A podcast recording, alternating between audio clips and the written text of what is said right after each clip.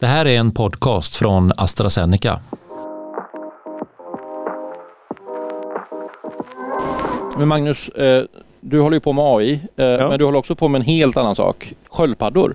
Jag håller på håller på med. Jag tar hand om ett par sköldpaddor i alla Ja. fall. Det har vi gjort i ja, drygt 15 år har vi haft våra sköldpaddor. 15 år. Charlotta och Vincent heter de. Okej. Ja. Och vad, eh, hur kommer det sig? Är det liksom... Ja, men det var väl så här. Vi var pälsdjursallergiska i familjen. Vi ville ha eh, husdjur. Mm, Sköldpaddor passar ganska bra. just det. De lär ju leva länge också. Så att vi lär ju, de kanske går i arv om man säger så. Ja, de överlever er så att säga, till skillnad från de flesta andra husdjur då kanske. Att Ja, många av dem i alla fall. kan Ja, man ha länge. ja, ja precis. Just det. Ja, ja, de är, ja.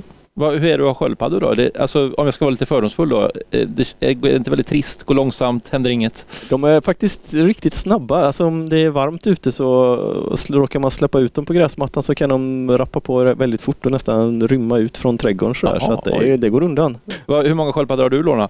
Nej, inga. Jag tycker kanske att de är lite, lite läskiga nästan. Läskiga? Jaha. ja, men de är ju reptiler och påminner lite sådär än de ormar och ödlor och Ja, sådär. Jag vet inte. Eh, och sen just det där kanske att jag vet inte hur är det att kommunicera med en sköldpadda? Liksom vet man, vad som, man vet inte riktigt vad som rör sig inne i huvudet. Ja, jag måste erkänna att ibland så när man kommunicerar med människor så märker man att det heller är ingen skillnad.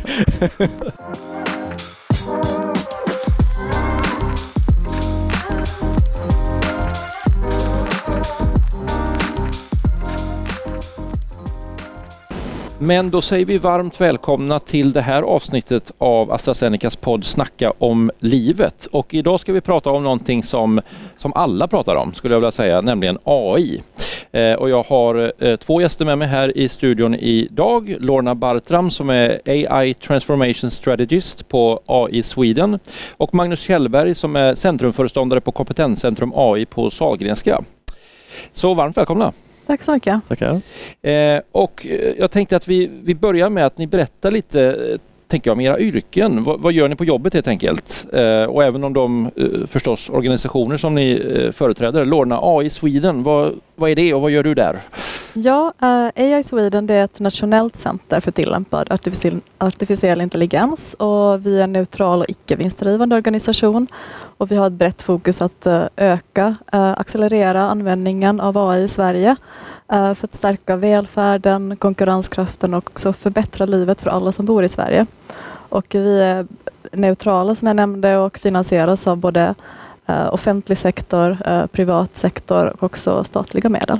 Och du är strateg där då, alltså, eller AI Transformation Strategist. Vad, vad gör du då? Ja, jag jobbar precis med tillämpningen av AI inom hälso och sjukvården. Så mycket handlar om att jag träffar olika aktörer i, i vårt ekosystem och också andra relevanta aktörer från myndigheter och företag för att se, identifiera behov, eh, gemensamma eh, utmaningar som vi kan, där vi tillsammans kan eh, göra satsningar. Så vi tror mycket på det här med att liksom, ha ett lärande, eh, göra gemensamma investeringar och att det kommer att öka eh, användningen och också att ta oss snabbare framåt.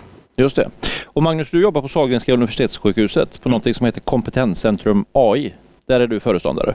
Vad gör ni? Vad gör vi? Ja men Sahlgrenska är ju ett jättestort sjukhus. Vi är ju 18 000 medarbetare och liksom servar 1,2 miljoner med- individ, medborgare, får man väl säga, eller individer får vi säga egentligen. Ehm, och vi, vi hjälper ju till att se till att vi får in AI i hälso och sjukvården i, liksom på Sahlgrenska framförallt då, eh, på olika sätt. Vi stöttar och vi eh, skapar förutsättningar och bidrar liksom till att våra medarbetare kan börja använda AI på olika sätt. Just det. Eh, om, vi, om vi backar lite då, eller vi, vi börjar från början helt enkelt. Lite brett och övergripande. Jag tror det är många som inte, som inte riktigt förstår och jag kan, säga, jag, jag kan erkänna att jag är en utav dem, hur AI egentligen fungerar. Eh, alla hör ju och läser mycket om det nu. Eh, men kan ni förklara för oss noviser hur, hur, hur kan AI lära sig så mycket och bli så intelligent på kort tid? Hur fungerar det här? Magnus? Ja, men jag tänker så här, AI är faktiskt inte mer komplicerad, eller den är lika komplicerad som en människa. Man kan tänka sig att AI är som en, den, den lär sig, den Eh, får erfarenheter. Ju mer, den, ju mer för, eh, exempel den tittar på, ju mer erfarenheter den får, desto bättre blir den på att bedöma eller göra vissa uppgifter. På samma sätt som människor fungerar. Så att eh, egentligen tycker jag att, tänker jag att den, den den kopplingen är ganska bra att göra. Att det är inte mer komplicerat än så. Sen är det vad som händer in, under motorhuven så att säga på de här AI-algoritmerna. Den behöver vi kanske inte gå in på. Den kan väldigt komplex och till viss del kanske lik människans hjärna också. Men just det här bara att den lär sig av liksom en massa, se en massa olika exempel och så blir den mer och mer klok och kan fatta bra, bra och bättre beslut helt enkelt. Men det gäller att vi lär den rätt då helt enkelt. För om, ja. om, vi, om vi inte har koll så har inte den heller koll. Nej, så är det ju. Så att vi, om vi läser fel eh, om vi har fel kurslitteratur till exempel när vi går på universitetet så blir vi ganska dåliga på att fatta beslut. Men, och samma sak för en AI, den behöver liksom lära, lära, utgå från rätt material helt enkelt. Mm. Data så att säga är ju viktigt. Data och information är viktigt för att en, AI ska kunna lära sig. Just det. Och vi är såklart bara i början av den här AI-utvecklingen. Eh, men, men det är ju redan så att det liksom fullständigt haglar in nya appar hela tiden med, med olika användningsområden och det räcker med att scrolla igenom sitt, sitt Facebook-flöde egentligen så ser man liksom AI-genererade bilder och, och, filmer och sådär. Lorna, hur, hur snabbt går det nu? Ja, det är svårt att svara exakt på hur, hur, snabbt det går, men det går ju väldigt snabbt och det har gjort det de senaste tio åren ungefär och det finns inga tecken på att det kommer att mattas av. Um, uh, och uh, det görs väldigt mycket investeringar också i det här eftersom att det finns mycket pengar att tjäna i den här branschen. Samtidigt som det också görs tekniska framsteg och inom forskningen. Men du säger, du säger de senaste mm. tio åren mm. eh, och, och, det stämmer förstås. Men har det inte varit liksom en väldig acceleration ja. Eh, precis det senaste, vad kan det vara, året? Ja men precis, det här med stora språkmodeller uh, har ju nu kommit de senaste åren och det är ju också mycket det som har gjort att vi vanliga människor har kunnat börja använda AI i våra liv och också då fått eh, upp ögonen för hur det här kan användas. Mm, det har blivit mer, mer tillgängligt helt enkelt senaste tiden. Eh, men om, om, vi fokuserar på det här med AI inom hälso och sjukvården, för det är det vi ska prata om. Eh, eh, först så tänkte jag när jag gjorde research inför det här att jag, jag googlade lite för att se liksom, hur använder man AI inom eh, hälso och sjukvården. Men så kom jag på att vad ska jag googla för? Eh, vi ska ju prata om AI så att jag, jag frågade AI såklart då. Eh, och ChatGPT då, då, eh, lyfter fram då tio områden där AI redan används eller undersöks då inom hälso och sjukvården. Så jag tänkte att vi, vi har, jag har valt ut några av dem så, så fokuserar vi på dem helt enkelt. AI får bestämma vad vi ska prata om här helt enkelt. Eh, och den första det handlar om eh, bildanalys. Eh, och jag vet att det här är något som ni jobbar mycket med, med på Sahlgrenska, Magnus. Mm. Eh, vad, vad, är det här för något, bildanalys och hur kan AI vara användbart?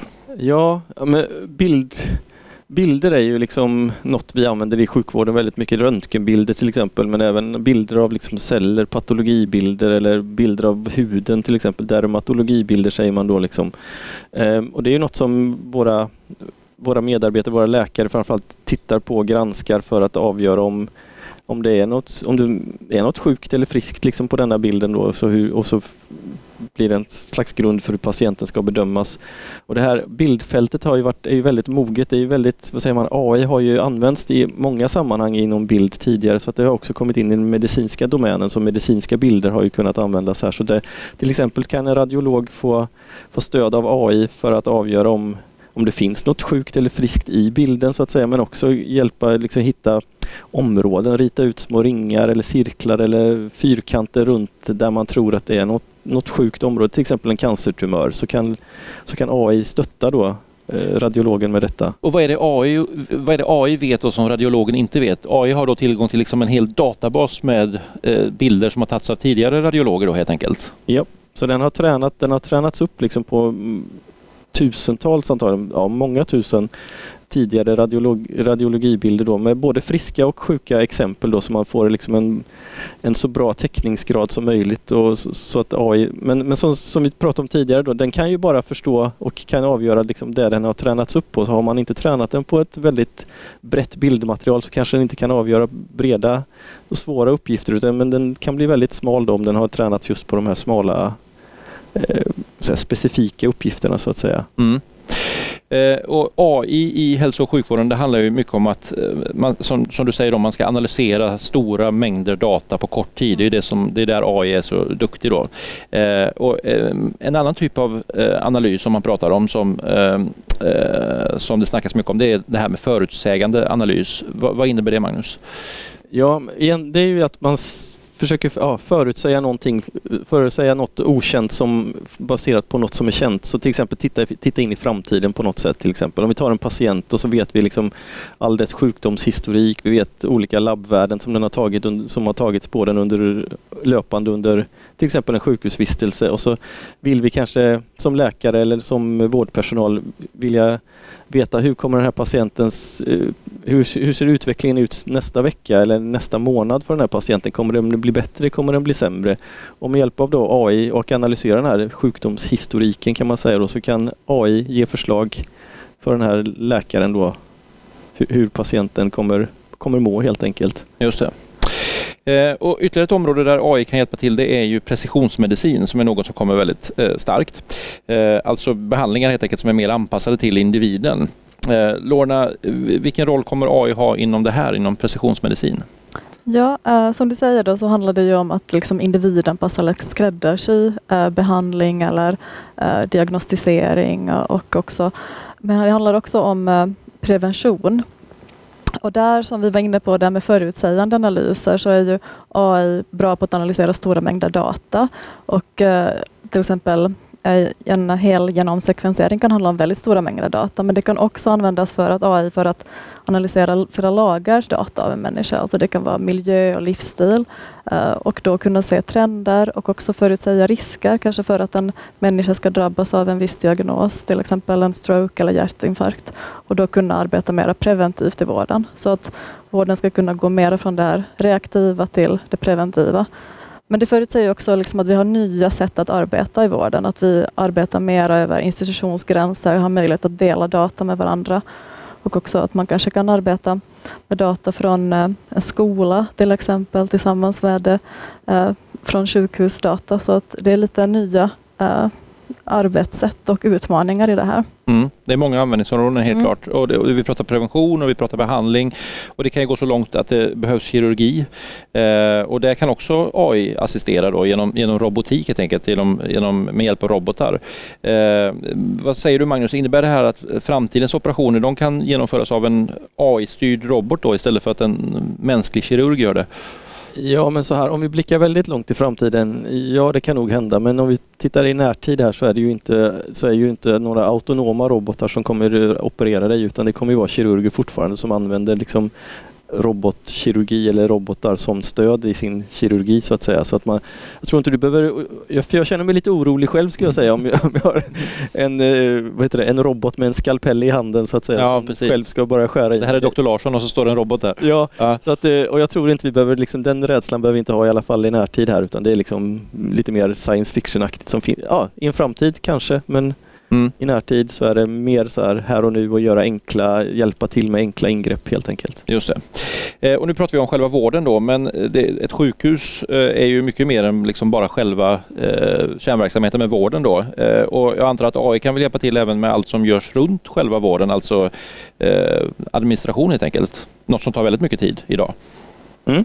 Ja men absolut, alltså det, jag tror att om vi tittar på de liksom lågt hängande frukterna vad gäller AI, liksom när vi kan börja använda och hjälpa till att eh, öka effektiviteten i hälso och sjukvården så är det kanske ett, kring de administrativa vårdadministration till exempel som stöttar läkare att skriva journaler eller sammanfatta journaler, skriva intyg till Försäkringskassan, diagnossättning in i våra system och liknande sådana här ganska jag tror som läkare så tycker man det är ganska tråkiga och väldigt tidskrävande uppgifter där, där AI kommer kunna stötta. Men även liksom i annat kring ja, planering, schemaläggning, mycket sånt här som sker runt omkring vården som är, men där vi har goda möjligheter att få stöttning av AI. Och då kan man helt enkelt frigöra mer tid för eh, läkare och annan vårdpersonal att göra det de eh, är bäst på helt enkelt och det som är viktigast själva att, att ta hand om patienterna. Ja men precis och det är precis vad alla de flesta i vården vill att man vill ju ha mer tid för att ta hand om sina patienter och göra mindre av det här administrativa, administrativa runt omkring arbetet så att vi,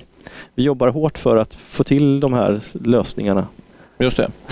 Eh, och något som redan finns men ju som utvecklas också i en rasande takt är det här med egenmonitorering och digitala hälsocoacher. Att, eh, att helt enkelt ens hälsotillstånd övervakas i realtid och man, man påminns om att eh, ta sin medicin till exempel. och så där. Hur, Lorna, hur skulle det kunna se ut med, med AI? Ja precis, egen monitorering det innebär ju att man patienten själv mäter olika värden. Det kan handla om blodtrycket, puls och också vikten.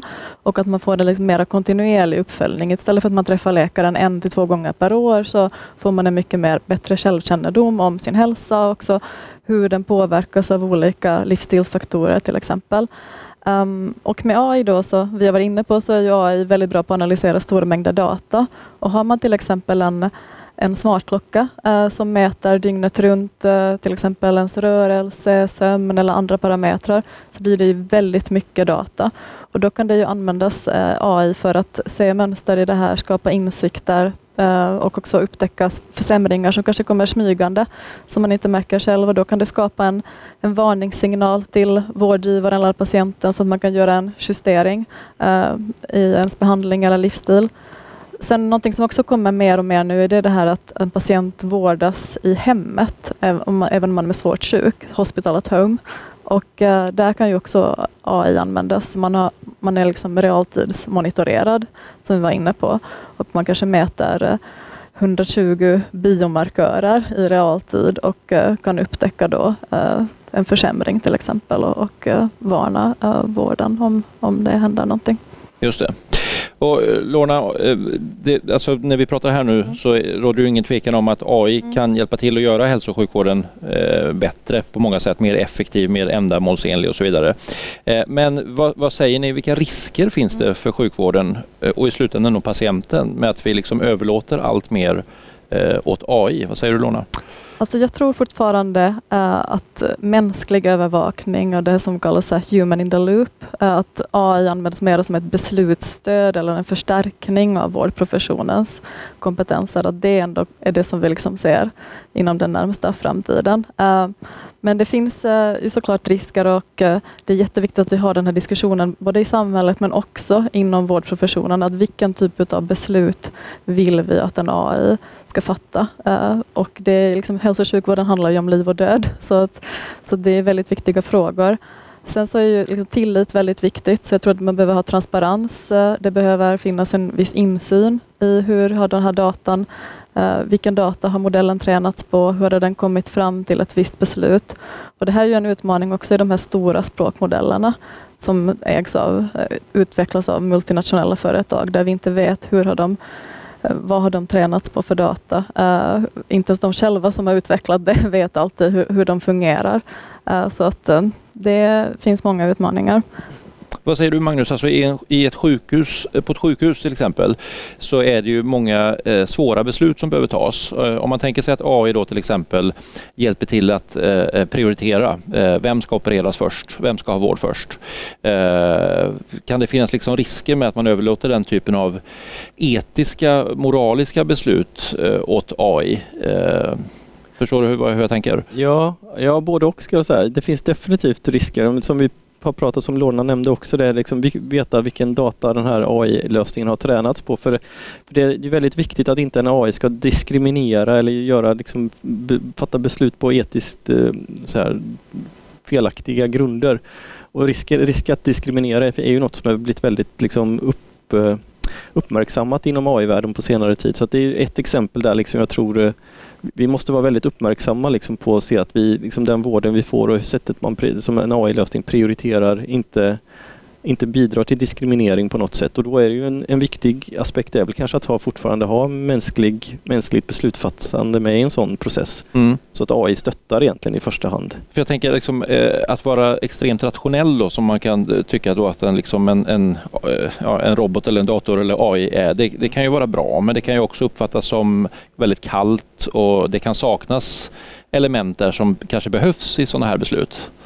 Ja, dels det. Dels tänker jag det liksom att, och det finns ju som sagt, den är ju väldigt kall så att säga, så att den, den kommer ju baserat på den datan den är tränad på, kommer den fatta beslut efter det och har man inte tänkt efter noga när man sammanställer det här dataset, träningsdatasättet då, så, så kan den fatta konstiga beslut. Men jag måste bara säga också, det finns ju studier som visar till exempel det här med chattbottar, om jag har hört talas om det, att man har testat och jämfört hur en läkare svarar på patientfrågor kontra en chattbot. Och chattbotten har högre kvalitet men den har visat också att den har högre empati. Så, vilket, så att det är inte helt självklart att liksom, AI skulle vara oempatisk. Nej, okay, okay. Men ja, det var lite, anekdotiskt kanske än så länge men det, vi får väl se vart det tar vägen. Men... Men det är ju intressant för att när man använder de här språkverktygen, ChatGPT, så, så något man slås av är ju hur extremt trevlig Mm. Uh, AI är. Uh, och, och, nästan lite undfallande, alltså ber om ursäkt när, det kanske, när den kanske inte har gjort fel ens.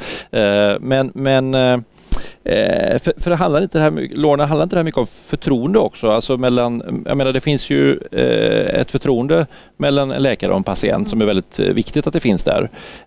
och frågan är Kommer patienter ha förtroende för en, att AI tar beslut och, och jag menar om man blir bortprioriterad när man ska opereras, accepterar man att det var en AI som tog det beslutet?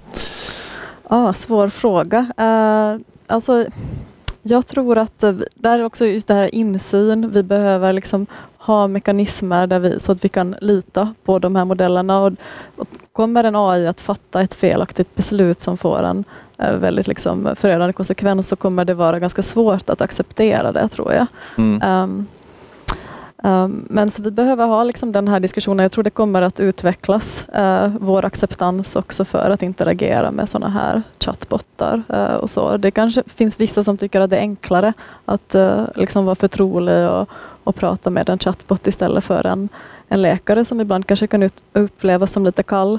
Uh, tror, tror, ni att vi kommer få se sådana här AI-skandaler i början av den här utvecklingen? Att eh, ett felaktigt beslut har tagits, eh, någon är missnöjd eh, och det är AI som, som eh, har gjort det så att säga. så att, förstår ni vad jag menar? Att det blir sådana typer av artiklar i media. Det kommer vi absolut stöta på. Alltså, så, så är det med alla nya tekniker eller allt nytt i princip. Liksom, så kommer det, vi, dels har vi inte riktigt lärt oss än så det, risken finns ju att vi liksom kanske går lite för fort fram ibland men också kommer det ju finnas av bara slumpen så kommer vissa av de här sakerna dyka upp och då så kommer man skylla på AI i det här fallet då för det är AI-lösningar som vi testar. Så att, och det kommer ske, så det sker som sagt var oavsett vad, om det är AI eller något annat nytt arbetssätt så kommer det hända ändå tänker jag. Just det. Och, men Lorna, hur bygger man in empati i AI? Hur, hur lär man? Hur konkretiserar man? Så att säga, jag, jag ska säga, jag begär ingen så teknisk förklaring nu men, men liksom det gäller ju då att eh, på något sätt sätta på pränt. Vad är empati? Eh, och hur tillämpar du det? Alltså är, inte det, är det här mänskliga värden som går att överföra till en maskin? Ja, det handlar ju liksom också om vilken data uh, som den här modellen tränas på. Ja. Så har du liksom en massa inspelningar av uh, sådana här interaktioner så kan du träna. Men jag, huruvida liksom en AI-modell verkligen kan uttrycka empati eller vara empatisk. Alltså kan man ge dem en känsla för uh, det? Förstår du? menar att, man, att, den, att den kan liksom läsa andra människor och känna att här måste jag backa lite, här måste jag Precis, ta en annan väg. Då behöver du ha kanske andra sinnen också. Alltså, Mm. Det är liksom det fysiska mötet eh, också. Eh, men det kan man ju koppla in med hjälp av eh, robotik och mm. liksom mm. sånt. Men, um, Vad säger ja. du Magnus, är det långt bort det här med att, man liksom, att en AI verkligen kan läsa en annan människa? Nej, jag skulle inte säga att det är så himla långt bort men jag tror alltså just det här att tänka att ja, men AI är medveten och är liksom så mänsklig som vi människor eller hur man ska säga. Mm. Det tror jag att vi nog aldrig kommer nå till. Det blir en väldigt filosofisk diskussion förstås men däremot så kan den, så, som du var inne på där, yt, på ytligt sätt så verkar den väldigt trevlig och kan läsa och det, det, tror jag den kommer kunna göra på något sätt men vad, den egentligen, vad som egentligen händer i, i djupet så att säga på AI det, det är svårt att säga. Och det, mm. Men jag tror inte att vi kommer Ja, min, min tanke eller känsla är i alla fall att vi kommer inte ha liksom den här typen av eh, mänskligt empatiska AI-lösningar. Men på ytan så kommer de kännas empatiska. Just det. Någonting också som jag tänker på att eh, alltså, det är tränat på historiska data. Så att, och AI ännu så här stora språkmodeller, de kan ju inte liksom generera ny kunskap egentligen. Så möter då en eh, empatisk robot en liksom helt ny situation så vet man inte riktigt hur den kommer att eh, liksom reagera. Men vi kan ju det som människor. Om vi möter ja. en helt ny situation så använder mm. vi vår erfarenhet och mm. vår kunskap för att tolka situationen och göra en bedömning av hur ska jag agera i den här nya situationen. Mm. Eh, vi blir inte helt liksom lamslagna av en ny situation, eh, oftast, oftast inte i alla fall. Vad heter det? Kan inte AI jobba så? Jo, det tänker jag att alltså i en framtid så tänker jag att den kan ta in lika mycket information som vi tar in under en livstid till exempel. Eh, så skulle den kunna ta upp ungefär lika mycket information och kunna syntetisera ihop det här och kunna fatta liksom ganska så mänskliga beslut. Men det blir ju när man Då pratar... lär den sig själv liksom, eller alltså, Ja. den lär sig av interaktioner. Eh, Ja, och allt som sker i omvärlden. Mm. På något sätt så lär, under vår uppväxt så lär vi oss en massa spännande saker hur världen hänger ihop och det här extremt komplexa liksom både samhället och runt, allt som sker runt omkring. Och det, igen, i, I teorin tänker jag att en AI skulle kunna göra det men vi är ju långt ifrån där än i alla fall. Så att det, Just det. Och jag tänker också att en människa eh, under sin lärandeprocess under hela livet eh, så får man ju väldigt mycket information från sina föräldrar, från sina lärare, från sina vänner, från, från vuxna när man är barn. Men man ställer också mycket frågor Mm. eh, för att få reda på saker. Hur fungerar det här? Vad är det här för något? Eh, och, eh, man slås ju av det att AI, ställ, AI ställer ju inga frågor. Eh, AI, alltså i alla fall de här språkverktygen man använder, de, de matas ju för information men de, de ställer ju inga frågor tillbaka så att säga. nej, det, det har du rätt i för det har inte jag tänkt på. Det var en... Ja, men är inte det ganska Insikt. stor, stor del i detta eh, lärandet som Ja. saknas egentligen? För det är viktigt att kunna fråga när man inte förstår och kunna liksom följa upp och precisera att förstå bättre helt enkelt. Istället för att invänta nästa gång det här dyker upp. ja, Förstår ni vad jag menar? Ja, alltså jag, jag tänker nog att de här stora språk, nya så som chattbottarna, ChatGPT, lite åt det hållet tycker jag de börjar göra nu. Liksom, så här, vill förty få förtydligande och sånt för Mm. att den ska kunna svara på ett bättre och klokare sätt. Men eh, jag håller med dig, vi är långt ifrån liksom ett mänskligt så här, nyfiket beteende där. Jag Mm. tror, Det är inte riktigt en dialog. nej, jag tror att de här är mer liksom vill vara tjänst, som står till tjänst och svara på frågor. Liksom, de vill inte, kanske inte blotta sig heller och säga att det här vet inte jag. Nej. Och det är väl någonting jag tänker kan vara jätteviktigt att vi bygger in det här med att liksom är man, är man osäker som AI så ska man liksom kunna säga det. Jag vet inte riktigt. eh, Jag tror det här kan det vara men jag är väldigt, väldigt osäker. Det är inte så tydligt alla gånger. Till exempel ChatGPT kan ju svara väldigt självsäkert på något den inte har en aning om och Mm. totalt fel då ibland.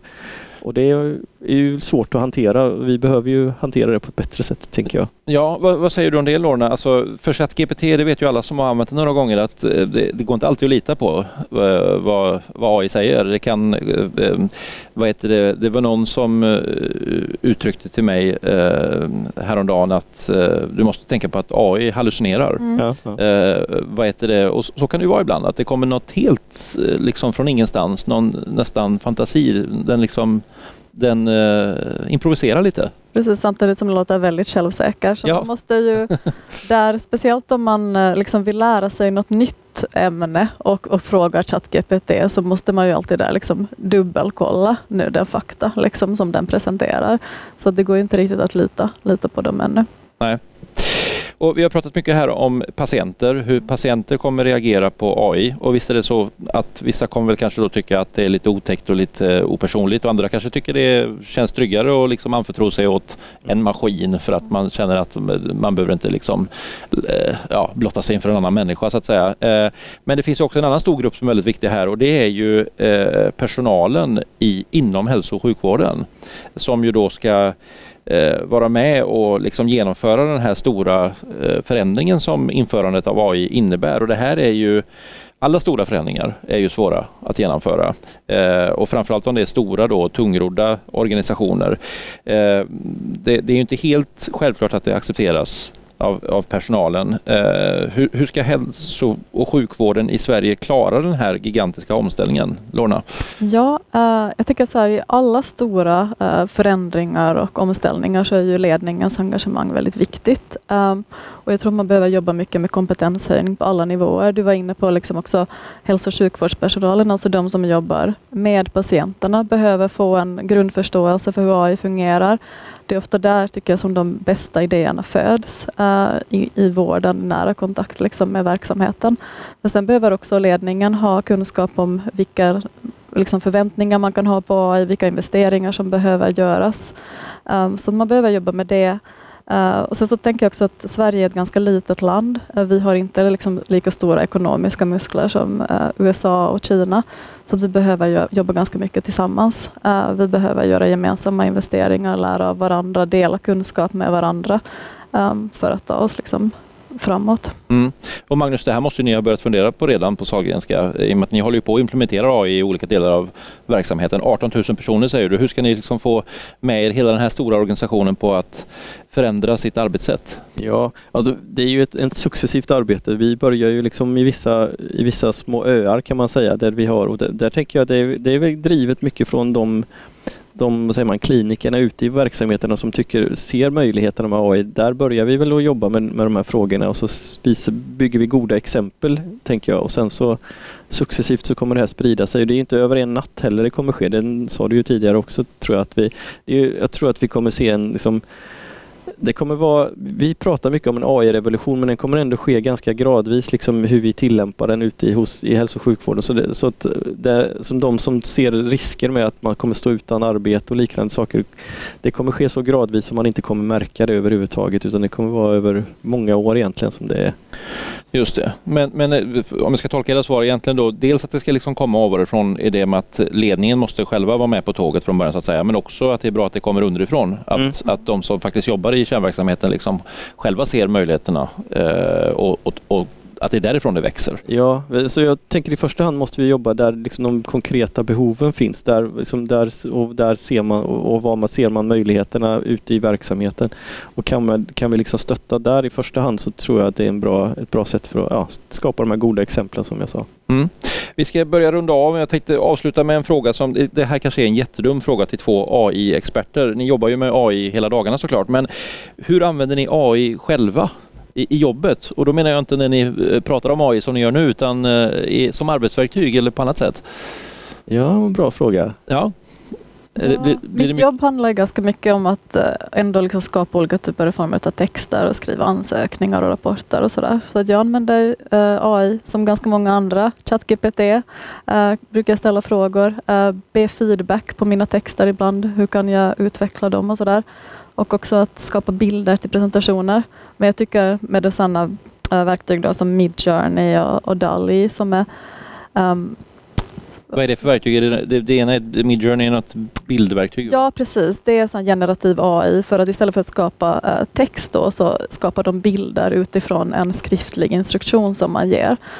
Och där men där tycker jag ändå att det är ganska tydligt att man behöver vara väldigt bra och skriva väldigt tydliga instruktioner för att få en bra bild och, det blir också tydligt vilken data de här har tränats på. Till exempel ber man den att ge en bild på en uh, sjuksköterska så blir det oftast uh, bild på en kvinna till exempel. Mm. Uh, så att uh, man behöver vara ganska duktig där fortfarande.